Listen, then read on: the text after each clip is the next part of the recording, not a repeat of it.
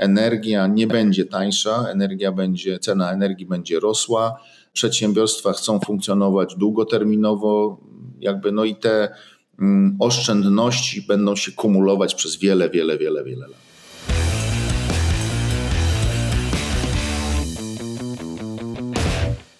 Dzień dobry, Anna Strzelecka, Kridoteka. Zapraszam na kolejny odcinek naszego podcastu Międzymiastowa.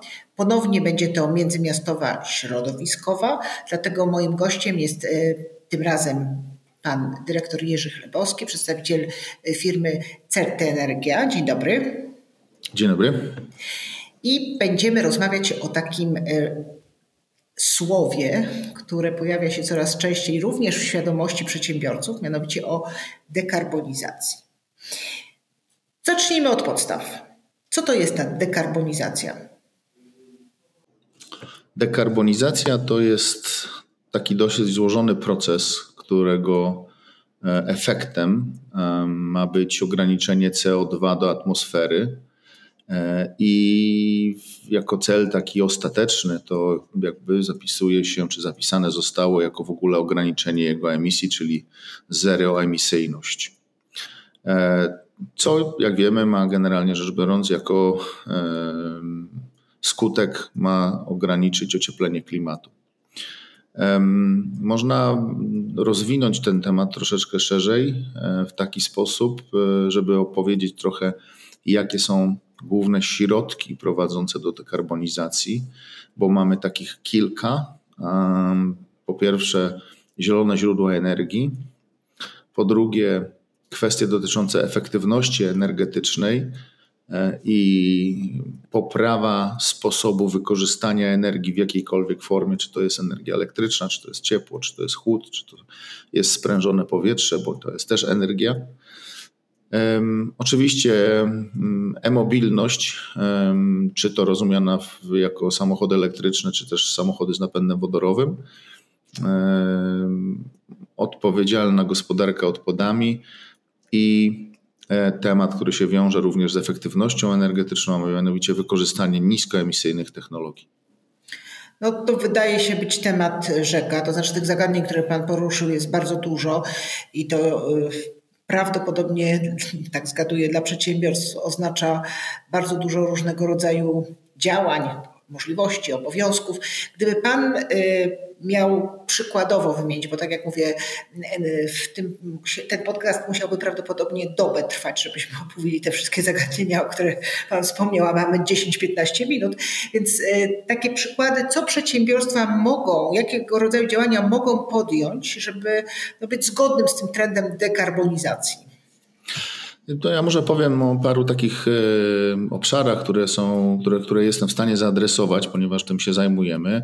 One wynikają albo inaczej, może oba tematy pokrywają się z tematyką dotyczącą mm, tej polityki ESG, o której też szeroko słychać, i kwestii dotyczącej śladu węglowego, ponieważ e, ślad węglowy jest liczony w, w trzech zakresach. Nie o tyle, o ile mm, w trzecim zakresie firmy nie mają specjalnie za dużej kontroli nad tym, co się dzieje. Mogą ją ewentualnie spróbować uzyskać albo wymuszać pewne działania na swoich e, dostawcach czy do swoich klientach.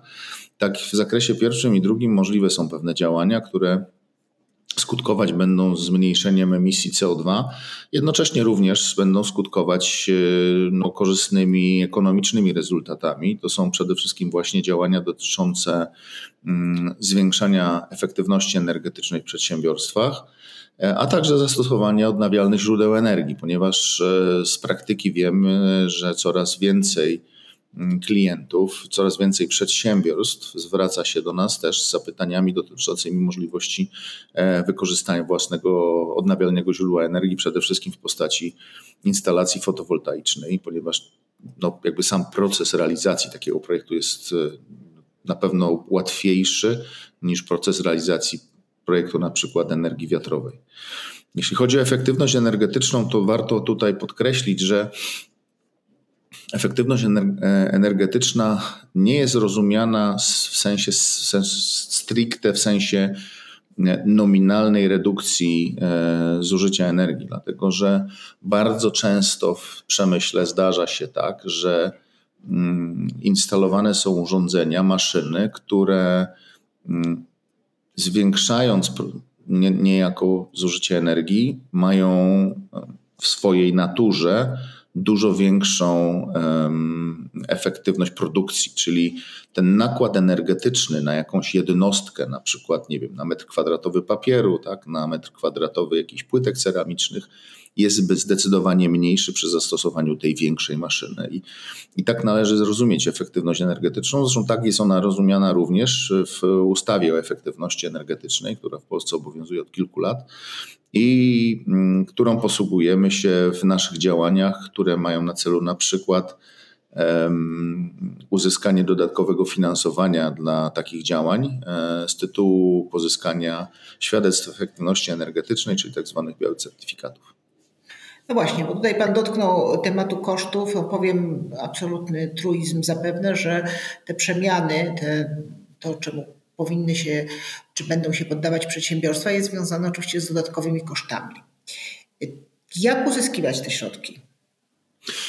Um, na projekty dekarbonizacyjne, ogólnie tak e, powiem, tak, co w jakiś sposób może być e, tożsame z projektami efektywności energetycznej, to znaczy tymi, którymi my się zajmujemy, można pozyskiwać różnego rodzaju środki. E, jest w tej chwili w przygotowaniu szereg różnych programów dofinansowań e, na różnego rodzaju projekty, który jakby no głównym celem tych programów będzie finansowanie projektów zwiększających efektywność energetyczną. I mm, co do zasady, e,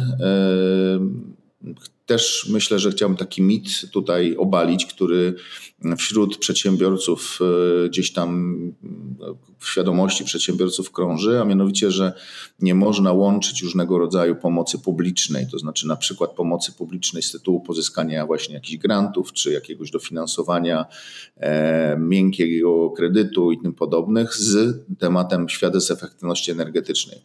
Tak nie jest. Można te e, dofinansowania łączyć e, oczywiście dbając o to, żeby nie został przekroczony ten maksymalny próg możliwego dofinansowania z tytułu pomocy publicznej. jednym z takich elementów niezbędnych do realizacji czy do pozyskania takiego finansowania to jest w ogóle przegląd wszystkich e, możliwych do zrealizowania projektów w przedsiębiorstwie, a potem wybranie takich, które no oczywiście się kwalifikują, które są ekonomicznie uzasadnione i które mm, jakby no w dalszym, na dalszym etapie muszą zostać, e, muszą być przedmiotem tak zwanego audytu efektywności energetycznej. To znaczy w każdym przypadku, czy to w przypadku pozyskiwania środków z tytułu właśnie białych certyfikatów, czy to z mm, innych programów, programów dofinansowania taki audyt e, efektywności energetycznej jest wymagany i musi być zrobiony. Musi być co więcej, musi być zrobiony dwa razy, to znaczy przed przedsięwzięciem, gdzieś tam pokazując planowane oszczędności i po, po zrealizowaniu przedsięwzięcia e, pokazując tak naprawdę uzyskane oszczędności, no, które mogą być większe albo mniejsze. Podsumowując, gdyby pokusił się Pan na mm, wymienienie takich kilku zaleceń dla przedsiębiorców na dziś w związku właśnie z e, procesem dekarbonizacji? Moim zdaniem należy dokonać takiego solidnego przeglądu w firmie wszystkich aspektów e, dotyczących funkcjonowania przedsiębiorstwa. Bardzo często spotykamy się z taką sytuacją, że firmy muszą wykonać tak zwany audyt energetyczny obowiązkowy i czynią to w taki sposób, żeby po prostu wypełnić ten niechciany obowiązek. I naszym zdaniem, ponieważ my też zajmujemy się tego typu e, przeglądami czy tego typu audytami, no jakby nie jest to działanie mm, długoterminowe, to znaczy z jakimś tam mm, oglądem sytuacji długoterminowej firmy. Każdy taki audyt powinien naszym zdaniem przynieść wartość dodaną w postaci wyselekcjonowania poszczególnych projektów, które w mniejszym lub większym stopniu, jeśli chodzi o wyniki ekonomiczne, mogą być realizowane też na bazie właśnie pozyskanych, pozyskanych środków z tytułu dofinansowania. I to jest absolutnie kluczowa sprawa, żeby rozpocząć w ogóle taki proces dekarbonizacji, żeby, mm, żeby zaadresować te tematy, które są najistotniejsze w firmie, od tak zwanych nisko wiszących jabłek, czyli prostych rzeczy, które są do wykonania relatywnie niedrogo, tudzież przynoszących dosyć duże efekty E, energetyczne poprzez bardziej skomplikowane projekty, które mogą się zwracać na przykład w troszeczkę długim okresie, ale pamiętajmy, że e, energia nie będzie tańsza, energia będzie, cena energii będzie rosła. E, przedsiębiorstwa chcą funkcjonować długoterminowo, jakby no i te mm, oszczędności będą się kumulować przez wiele, wiele, wiele, wiele lat. Bardzo dziękuję. Zatem to, co, o czym warto pamiętać po tej naszej rozmowie, to jest, że już w tej chwili powinni y, przedsiębiorcy zdecydowanie sobie te priorytety poustawiać pod kątem właśnie dostosowania się do, jak Pan powiedział, no zmieniającego się świata, jeżeli chodzi o sposób korzystania z energii, o sposób traktowania środowiska. No, zagadnienie, mam taki duży niedosyt po tej rozmowie, bo tych tematów się pojawiło bardzo dużo i dlatego mam nadzieję, że będę miała jeszcze możliwość porozmawiania e, o kwestiach, e, które e, tylko poruszyliśmy. I bardzo Panu dziękuję. W takim razie dziękuję Państwu na dziś i tak jak mówię, proszę o więcej i z drugiej strony trochę może nad, jeszcze za wcześnie, ale obiecuję Państwu więcej tych wywiadów. Bardzo dziękuję. dziękuję. dziękuję. dziękuję. Wysłuchali Państwo 16 odcinka z cyklu Międzymiastowa w ramach podcastu Kridoteki. Nasz podcast jest dostępny na różnych platformach, m.in. na Spotify i Apple Podcasty, a także w wersji wideo na YouTube. Dziękujemy za wysłuchanie i do usłyszenia w następnym odcinku.